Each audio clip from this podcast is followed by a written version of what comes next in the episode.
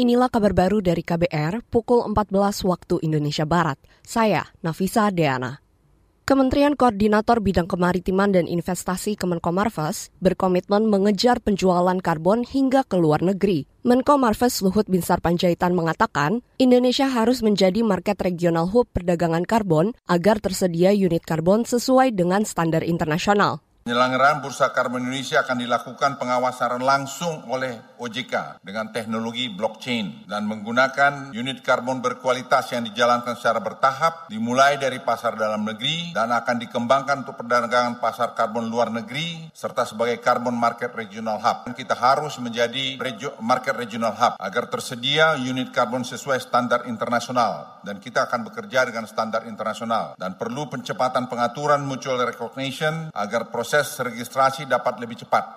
Menko Marves Luhut Binsar Panjaitan mengakui masih ada beberapa pekerjaan yang juga harus diselesaikan, termasuk soal peta jalan perdagangan karbon dan pajak karbon. Selain itu, pihaknya juga akan segera menuntaskan peraturan Menteri Lingkungan Hidup dan Kehutanan, penyelenggaraan NDC, dan Permen LHK perdagangan karbon luar negeri. Saudara, Bursa Karbon Indonesia atau IDX Karbon telah meluncur di Bursa Efek Indonesia BEI hari ini. Potensi bursa karbon Indonesia disebut bisa mencapai lebih 3.000 triliun rupiah.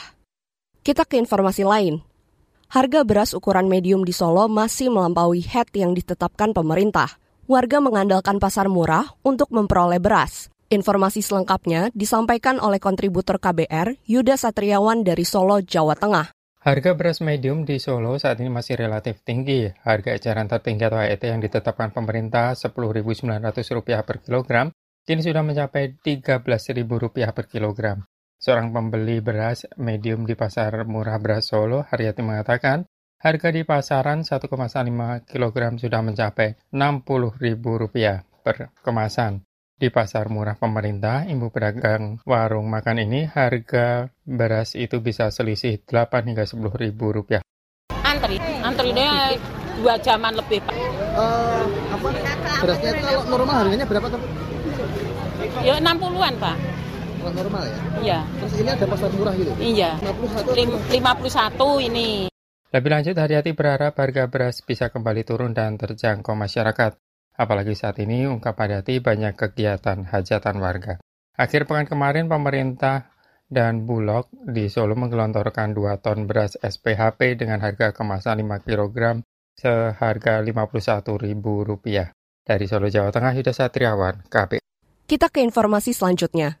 Korea Selatan, China, dan Jepang hari ini menggelar pertemuan tingkat tinggi untuk mendiskusikan kerjasama tiga arah dan menjajaki kemungkinan dilanjutkannya pertemuan puncak atau KTT para pemimpin mereka yang telah lama terhenti.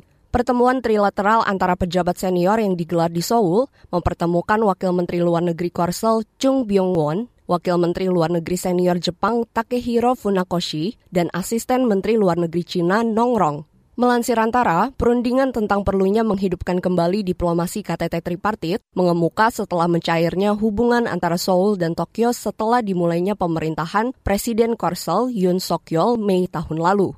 Demikian kabar baru dari KBR, saya Nafisa Deana.